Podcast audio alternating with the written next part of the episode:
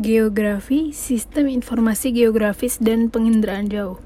Mulai dari komponen-komponen penginderaan jauh. Jadi, penginderaan jauh ini adalah pengukuran atau perolehan informasi berupa data dari beberapa sifat objek atau fenomena menggunakan alat perekam dan gak terjadi kontak langsung sama objeknya. Nah, ini tuh harus didukung sama beberapa komponen. Contohnya, sumber tenaga, atmosfer, pantulan, pancaran, sensor, data, visual, non citra, digital, aneka pengguna data gitu. Pertama kita bahas sumber tenaga. Jadi sumber tenaga ini bisa pasif, bisa aktif. Kalau pasif ini dihasilkan sama alam, contohnya sinar matahari. Kalau tenaga aktif ini dihasilkan oleh manusia, contohnya radar, pulsar, dan sonar. Terus lanjut ada objek. Kalau objek penginderaan jauh itu ya fenomena dan gejala geosfer kayak litosfer, antroposfer, hidrosfer, biosfer, dan atmosfer. Terus ada sensor. Sensor ini adalah alat yang dipakai di penginderaan jarak jauh. Nah, sensor ini terdiri dari elektronik dan fotografik. Nah, berdasarkan sensor yang digunakan, citra dan foto tuh dibedakan. Jadi yang pertama, citra tunggal. Jadi dibuat dengan sensor tunggal dengan saluran lebar.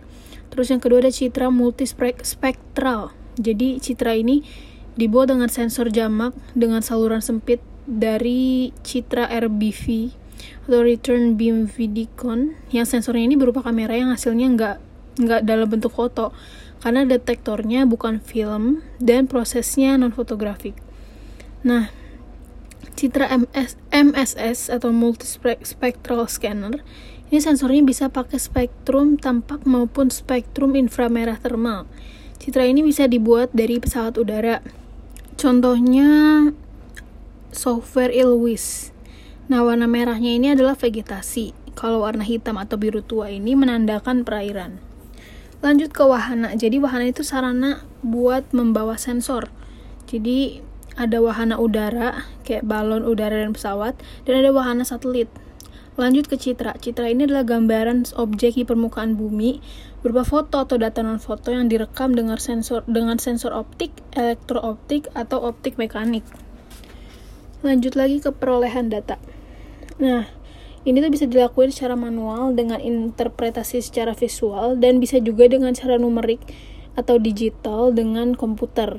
Nah, foto udara ini umumnya diinterpretasi secara manual, sedangkan data hasil penginderaan jauh secara elektronik itu bisa diinterpretasi secara manual maupun secara numerik. Lanjut ke pengguna data. Pengguna data ini bisa orang, institusi, atau pemerintah. Nah, ini tuh komponen paling penting karena para pengguna lah yang bisa menentukan diterima atau tidaknya hasil penginderaan jauh. Nah, data yang dihasilkan ini mencakup wilayah sumber daya alam suatu negara. Lanjut ada atmosfer. Nah, lapisan udara itu terdiri dari berbagai jenis gas kan, kayak O2, CO2, nitrogen, hidrogen, dan helium. Nah, molekul-molekul gas ini itu bisa menyerap, memantulkan, dan melewatkan radiasi elektromagnetik. Bagian spektrum elektromagnetik di atmosfer yang bisa mencapai bumi disebut jendela atmosfer. Kondisi cuaca yang berawan tuh menyebabkan sumber tenaga nggak bisa mencapai permukaan bumi. Terus kita lanjut ke manfaat penginderaan jauh. Jadi kalau di bidang kelautan atau si SISAT dan MOSS. Jadi yang pertama ada pengamatan sifat fisik air laut, pengamatan pasang surut air laut dan gelombang laut, serta pemetaan perubahan pantai, abrasi, sedimentasi, dan lain-lain. Kalau manfaat di bidang hidrologi, menurut Citra Lancet dan Spot, itu ada pengamatan DAS, pengamatan luas daerah dan intensitas banjir, pemetaan pola aliran sungai, serta studi sedimentasi sungai. Terus kalau di bidang klimatologi, menurut NOAA, Meteor, dan GMS gitu contohnya, um, itu ada pengamatan iklim suatu daerah, analisis cuaca, dan pemetaan iklim dan perubahannya.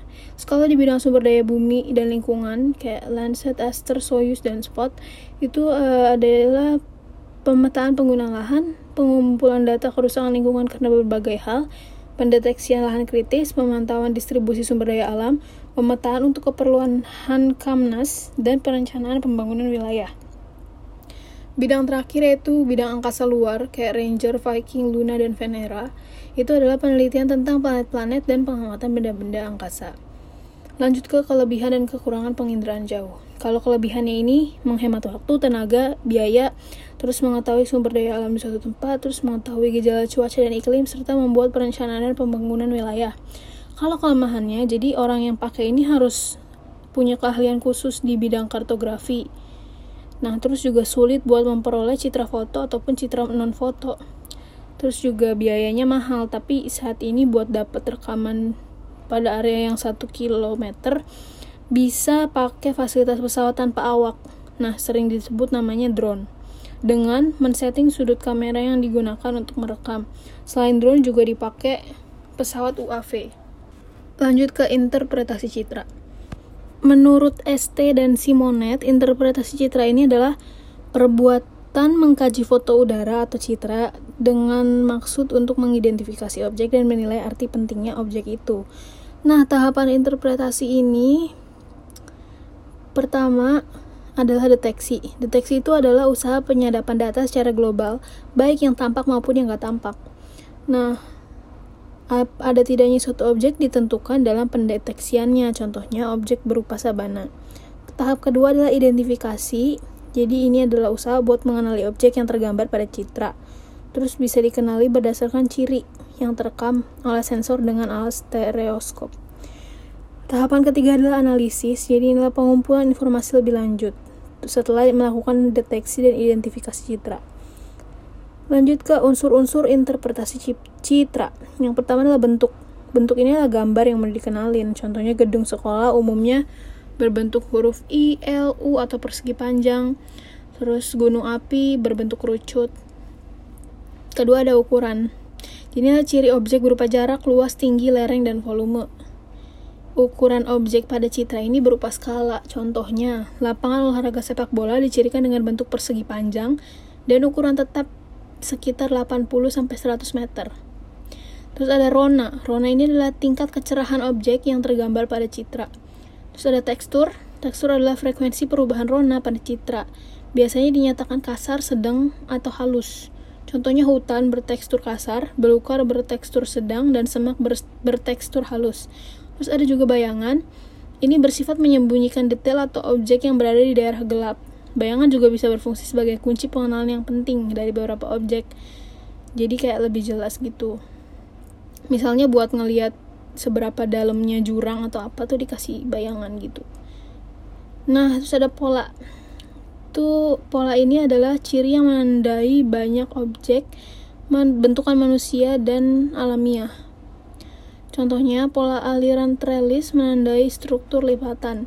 Pemukiman transmigrasi dikenali dengan pola yang teratur, yaitu ukuran rumah yang jaraknya seragam dan selalu menghadap ke jalan. Terus kebun karet, kebun kelapa, kebun kopi itu mulai dibedain dengan hutan atau vegetasi lainnya dari polanya, yaitu berpola teratur, pola jarak tanamnya.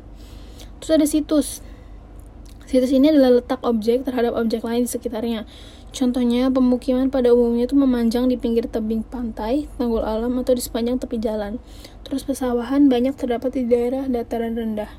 Terus ada asosiasi. Jadi ini adalah keterkaitan antara objek yang satu dengan objek yang lain. Contohnya, stasiun kereta api berasosiasi dengan jalan kereta api yang jumlahnya lebih dari satu atau bercabang. Lanjut ke pembahasan selanjutnya, pemanfaatan citra penginderaan jauh. Jadi di bidang meteorologi ini tuh untuk mengamati iklim suatu daerah melalui pengamatan tingkat keperawanan dan kandungan air dalam udara. Terus juga membantu analisis cuaca dan peramalannya yaitu dengan menentukan daerah tekanan tinggi dan daerah tekanan rendah. Terus mengamati sistem pola angin permukaan dan memetakan data meteorologi dan klimatologi. Kalau di bidang hidrologi, ini tuh untuk pemantauan daerah aliran sungai dan konservasi sungai. Lalu ada pemetaan luas daerah dan intensitas banjir, mengamati kecepatan aliran sungai, dan mengamati arah aliran sungai. Terus juga di bidang oceanografi itu untuk pengamatan pasang surut dan gelombang air laut, studi perubahan pantai, abrasi dan sedimentasi, serta pemetaan potensi sumber daya laut. Kalau di bidang, bidang geologi itu untuk penentuan struktur batuan suatu wilayah, pemantauan wilayah bencana, pemetaan daerah gunung api. Bidang geomorfologi itu untuk mengamati bentuk panjang dan arah, arah lereng, mengamati kekasaran lereng, gerak masa batuan, beda ketinggian, dan bentuk lembah. Kalau di bidang pertanian tuh untuk mengetahui jenis tanah, sifat fisik tanah, tanaman yang terserang hama, dan kandungan air dalam tanaman. Kalau bidang perencanaan tuh untuk menentukan arah pengembangan suatu wilayah dan menentukan lokasi pembangunan, menentukan model pengembangan suatu wilayah. Terakhir, bidang lingkungan dan sumber daya alam untuk mengumpulkan data kerusakan lingkungan oleh berbagai sebab, memantau daerah bencana banjir, gempa, kebakaran, dan debu vulkanik, memetakan penggunaan lahan, mendeteksi lahan kritis, memantau distribusi sumber daya alam seperti hutan dan bahan tambang, serta memantau pencemaran air laut oleh minyak. Lalu kita bahas SIG dan keunggulannya. Jadi menurut J. Rapper tahun 1994, SIG ini adalah sistem yang bisa mendukung pengambilan keputusan spasial dan bisa mengintegrasikan deskripsi-deskripsi lokasi dengan karakteristik yang ditemukan di lokasi itu. SIG yang lengkap ini mencakup metodologi dan teknologi yang diperlukan, yaitu data spasial, perangkat keras, perangkat lunak, dan struktur organisasi. Jadi komponen SIG ini saling terintegrasi untuk menyajikan data atau informasi geospasial. Komponen SIG ini terdiri atas perangkat keras atau hardware, perangkat lunak atau software, dan intelijensi manusia atau brainware. Nah, keunggulan SIG, jadi SIG yang didesain dari menggabungkan antara CAD dan basis data serta punya konsep topologi, SIG ini mampu menjawab beberapa pertanyaan generik, contohnya lokasi. Untuk mengetahui lokasi keberadaan suatu fitur tertentu, misalnya mengetahui di lokasi HPH mana saja lokasi kebakaran hutan atau titik-titik hotspot ditemukan, mengetahui lokasi hutan gambut di wilayah Kalimantan Tengah, dan mengetahui titik koordinat pada lokasi longsor. Terus juga selain lokasi itu ada ukuran kayak panjang, luas, dan keliling. Itu buat mengetahui jarak antara lokasi tanah longsor dari ibu kota kecamatan A, mengetahui luas lahan longsor yang terjadi, dan mengetahui perkiraan panjang batas luar suatu kawasan taman nasional. Yang ketiga itu ada analisis tetangga atau neighborhood analysis. Dengan SIG itu bisa dilakukan analisis yang pertama adjacency atau contiguity untuk mengetahui apa aja fitur atau objek yang ada. Contohnya, nama-nama desa yang berbatasan langsung dengan Provinsi DKI Jakarta. Kecamatan apa aja yang dilalui oleh ruas jalan tertentu. Kedua, ada connectivity. Jadi, buat mengetahui keterhubungan antara fitur yang satu dengan yang lain. Contohnya, apakah lokasi kebakaran hutan dapat diakses dengan jalan tertentu. Ketiga, ada proximity. Jadi pada radius 200 meter dari sumber mata air ada apa aja gitu. Nah, siapa aja pemilik lahan yang akan dibebaskan di sepanjang jalan Jakarta Bogor pada kisaran lebar 50 meter di kiri kanan jalan. Terus selain selain analisis tetangga ada juga atribut. Jadi atribut ini apa aja atribut yang dimiliki sama suatu fitur gitu. Nah, ini bakal sangat diketahui karena semua data spasial pada SIG itu terkait dengan suatu basis data yang punya record dan field atau item tertentu. Jadi, mampu mengetahui kesesuaian penggunaan kawasan atau melakukan query terhadap suatu fitur yang dikehendaki. Misalnya, nyari lokasi yang sesuai dengan penggunaan lahan buat membangun bangunan tempat perkemahan yang punya beberapa persyaratan. Contohnya syaratnya itu ada kayak dekat sumber mata air, terus kemiringan lereng nggak boleh lebih dari 15%, terus kayak luas lahan minimal 1000 meter kuadrat dan lain-lain. Nah, habis itu ada juga selain atribut itu ada dapat membantu dalam menyelesaikan masalah terkait pola atau pattern tanah longsor atau kebakaran hutan yang terjadi terus juga mengetahui tren atau kecenderungan suatu fitur. Contohnya kecenderungan perubahan lahan yang terjadi di Kabupaten Bogor pada periode 2000 sampai 2005. Terus mengetahui intensitas kerusakannya dalam kurun waktu tertentu. Terus tadi keunggulan SIG, sekarang kita mau bahas tekniknya. Teknik yang tepat itu adalah overlay atau tumpang susun. Jadi, teknik overlay ini dipakai buat mendapat informasi dengan mengintegrasikan peta tematik. Peta tematik ini kayak peta jenis tanah, peta curah hujan, atau peta yang punya tema tertentu yang punya korelasi dengan apa yang dibutuhkan. Terus juga teknik tetangga dekat dipakai untuk memprediksi sesuatu dengan beberapa model, contohnya buat memprediksi area yang berpotensi terkena banjir rob atau tsunami. Terus ketiga ada buffering. Jadi untuk mengetahui area yang berpotensi dalam kerawanan, biasanya menggunakan data angka yang diinput. Sekian.